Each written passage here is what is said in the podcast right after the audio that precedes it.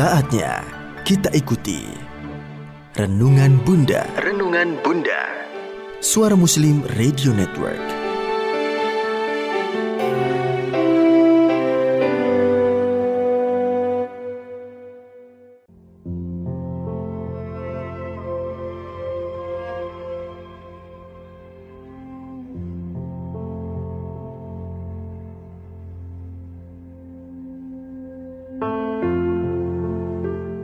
A'udzubillahi minasyaitonirrajim. Bismillahirrahmanirrahim. Assalamualaikum warahmatullahi wabarakatuh.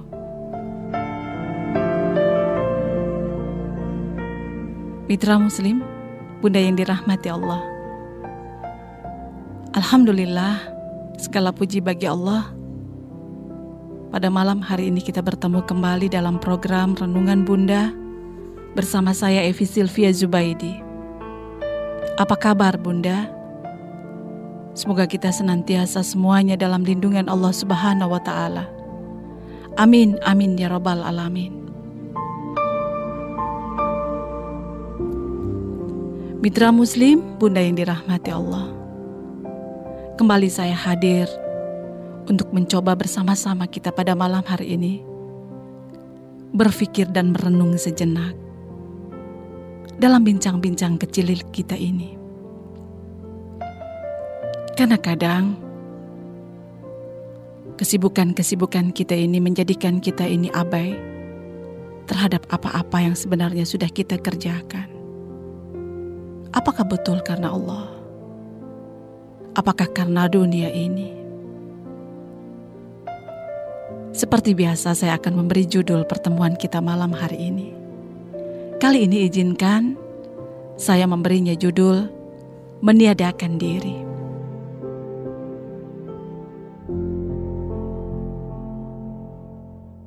Bismillahirrahmanirrahim. Manusia itu sangat mencintai dirinya. Kata-kata itu sudah sangat sering saya dengar. Namun dampaknya hanya mengamini saja tidak berdampak lebih untuk mengkoreksi diri. Dan lebih sering merasa aman dengan yang amal-amal yang sudah dikerjakan. Dan lebih parahnya, sudah merasa melakukan sesuatu untuk agama ini. Padahal, kalau diteliti sungguh-sungguh, mungkin amal-amal itu tidak masuk dalam catatan amal para malaikat. Mungkin karena niatnya yang salah atau mungkin karena tata caranya yang tidak betul, atau mungkin nilai dari amal itu yang hanya berupa amal-amal sisa.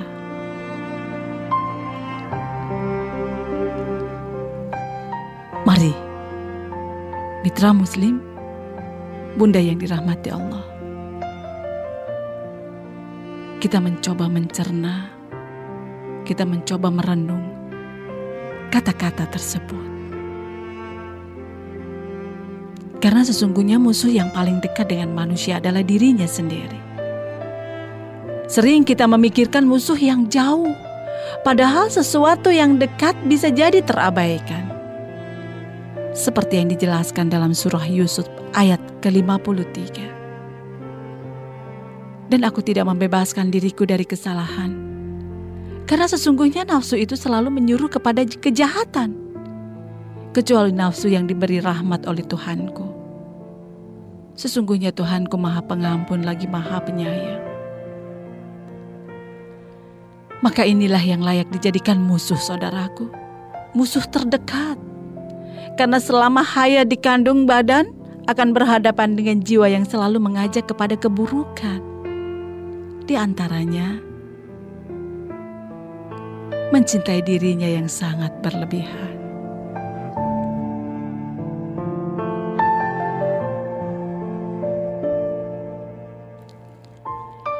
Mitra Muslim, bunda yang dirahmati Allah. Orang yang sering mencintai dirinya tidak bisa mencintai yang lain, apalagi mencintai Allah, karena konsentrasinya hanya dirinya, fokusnya hanya dirinya. Sampai-sampai saat dia memberi adalah untuk kepuasan dirinya. Bahkan ia telah berjasa bahwa ia telah menolong. Kelebat itulah yang menjadikan yang dia katakan bahwa yang dia kerjakan hanya untuk dirinya. Sehingga ucapan terima kasih atas pemberiannya akan menjadi penting baginya. Sibuk memberi dengan tuntutan syarat bagi yang penerimanya. Tidak ada Allah di dalamnya. Lupa dia bahwa memberi adalah perintah Allah untuk melakukan amal soleh. Dan hanya Allah lah yang akan membalas semuanya. Karena sesungguhnya harta yang diperintahkan untuk memberi itu bukan hartanya. Kalau kita pikirkan ini sesungguhnya layak kalau kita ini pantas bermalu kepada Allah. Karena betapa sering kita ada di posisi ini saudaraku. Memberi lalu merasa besar. Padahal tidak ada yang besar selain Allah. Sedihnya, kata-kata ini sering diucap dan ditulis. Namun dalam prakteknya, diri ini yang ingin tampak besar. Karena memang sesungguhnya manusia itu mencintai dirinya dengan cinta yang sangat besar dan cinta yang berlebihan.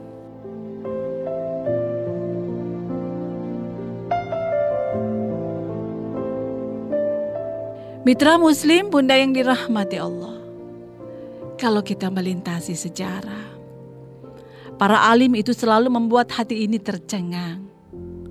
Bagaimana tidak tercengang? Setiap yang mereka lakukan selalu hampir tidak masuk di akal. Jauh dari jangkauan pikir kekinian. Bukankah tidak jarang kita memberi pengemis karena merasa terganggu? Agar ia segera pergi dan kita bisa melanjutkan aktivitas kita. Lalu dengan wajah masa memberi tidak dengan hati untuk membantunya namun agar segera ia hilang dari pandangan. Lepas dari dalih. Bahwa dengan memberi pengemis tidak mendidik dan lain-lain dalih yang semua mungkin benar. Namun mari kita dengar apa kata para ambia itu ketika didatangi pengemis. Ahlan wa sahlan. Masya Allah. Ada orang datang yang mau membantu membawakan bekalku ke akhirat. Allahu Akbar.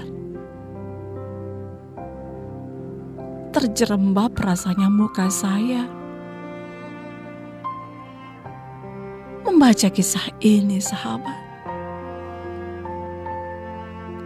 Gerimis hati ini mengetahui betapa diri ini masih sangat jauh dari Allah. Memberi dengan yang sedikit namun mengharap lebih. Cinta diri yang sangat berlebihan.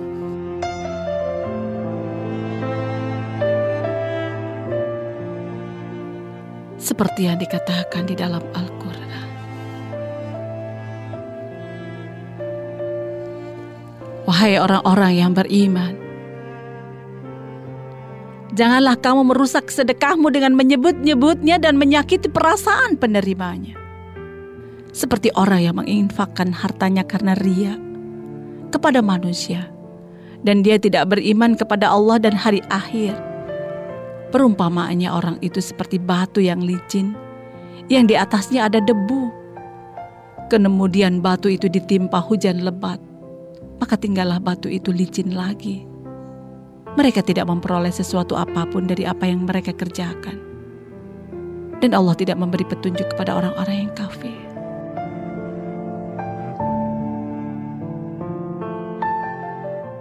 Begitulah Bunda sebagaimana Al-Baqarah 264 mengurai yang biasa kita lakukan. Sangat tahu zohir dan batin kita ini sangat tepat. Sampai-sampai tidak ada yang bisa kita sembunyikan. Bahwa kita selalu mengungkit-ungkit pemberian. Berbangga-bangga dengan pemberian.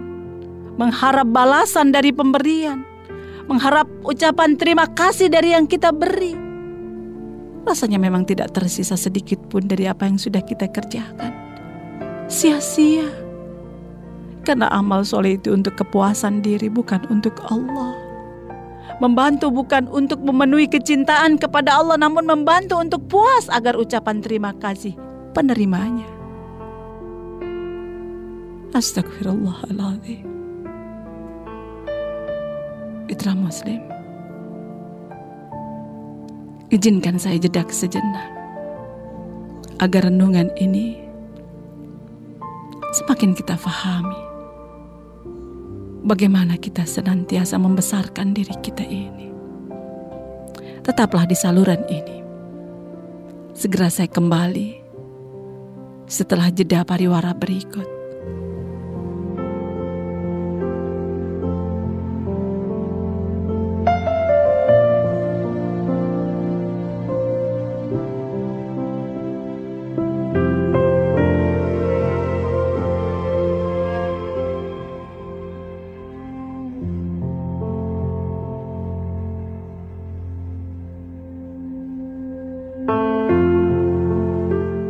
Mitra Muslim, Bunda yang dirahmati Allah.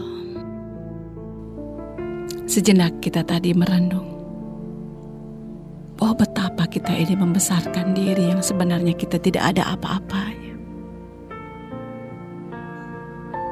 Mari kita tengok para sahabat. Abu Bakar, Umar Al-Khattab, Utsman bin Affan, Ali bin Abi Talib, Abdurrahman bin Auf, tidak pernah melibatkan dirinya dalam beramal soleh. Mereka mencari yang lebih besar dari dirinya sendiri, yakni Allah. Dipenuhi setiap yang dikerjakan karena Allah. Bahkan memberi pun mereka tidak mempedulikan dirinya. Tidak mengharap balasan dan tidak mengharap ucapan terima kasih penerimanya. Hanya Allah yang dipikirkan, hanya Allah. Hanya Allah yang ada di hatinya karena tidak ada dua hati dalam satu hati. Bagaimana kita bisa memikirkan Allah kalau kita selalu memikirkan diri kita sendiri? Bagaimana sholat ini akan khusuk kalau kita sibuk memikirkan diri kita sendiri? Lalu lepas rasa khawatir atas kesalahan, sehingga tidak pernah ada rasa salah untuk menghinggapi.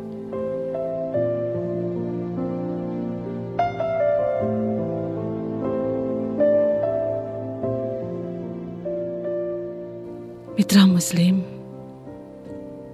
Bunda yang dirahmati Allah. Marilah kita sejenak mendengar apa yang dikatakan Imam Syafi'i. Orang yang paling mulia adalah dia yang paling merasa tidak punya kemuliaan. Orang yang paling luhur adalah dia yang paling tidak merasa tak punya keluhuran. Sedangkan kebalikannya, seperti yang digambarkan oleh Bizir Ibnu Al-Haris dia yang merasa tak bersalah adalah orang yang paling banyak salahnya. Begitulah sahabat. Sesungguhnya musuh yang paling nyata adalah diri kita sendiri, nafsu kita sendiri. Seperti nasihat Abu Bakar Asyidi kepada Umar bin Khattab ketika akan melantiknya menjadi khalifah.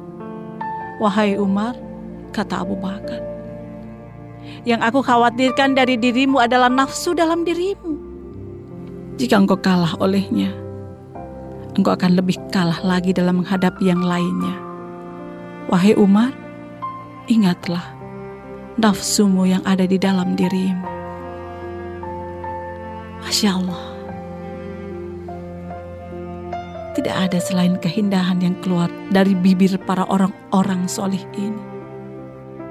Tidak ada sesuatu yang sangat bermanfaat selain yang lebih manfaat yang keluar dari apa yang mereka nasihatkan.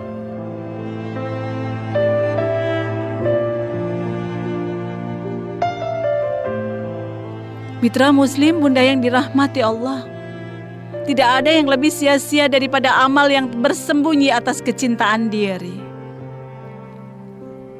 Izinkan saya mengulangi kata-kata ini. Tidak ada yang lebih sia-sia daripada amal yang bersembunyi atas kecintaan diri menghubungkan langit dan bumi di mana kita berpijak tidak lain dengan meniadakan diri di titik nol. Karena di situlah kita akan bertemu dengan kebesaran Allah. Jika kita mampu meniadakan segala sesuatu yang menjadi milik dunia termasuk diri kita, maka kebesaran Allah akan terlihat nyata. Menghilangkan kecintaan terhadap diri sepenuhnya memang tidak mudah. Akan lebih mudah kalau kita mencoba mengecilkan diri di hadapan Allah atas amal-amal yang kita kerjakan. Hanya Engkau ya Allah yang maha besar. Hamba hanyalah tiada di hadapanmu. Hanya berupa titik nol. Di sinilah langit itu tersambung, melangitkan amal-amal soleh dan menurunkan pahala.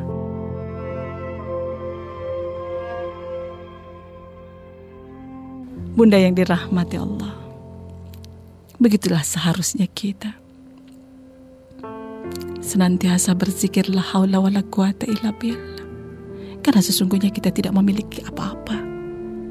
Dan sejatinya kita ini bukan siapa-siapa. Semoga renungan kita pada malam hari ini mampu membongkar sesungguhnya siapa kita ini dan memahamkan diri kita bahwa sebenarnya kita ini bukan siapa-siapa dan bukan apa-apa. Hanya Allah yang besar. Mari kita mencoba untuk meniadakan diri agar kebesaran Allah itu tampak.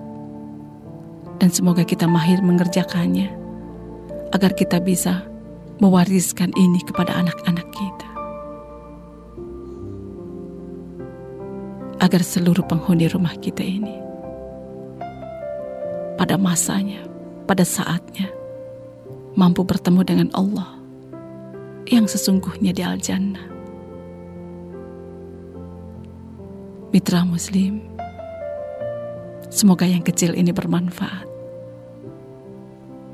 Terima kasih sudah mendengarkan saya. Mohon maaf lahir batin. Subhanakallahumma wa bihamdik. Ashadu alla ilaha illa anta. Nastagfiruka wa atubu ilaih.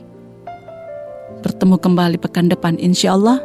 Assalamualaikum warahmatullahi wabarakatuh.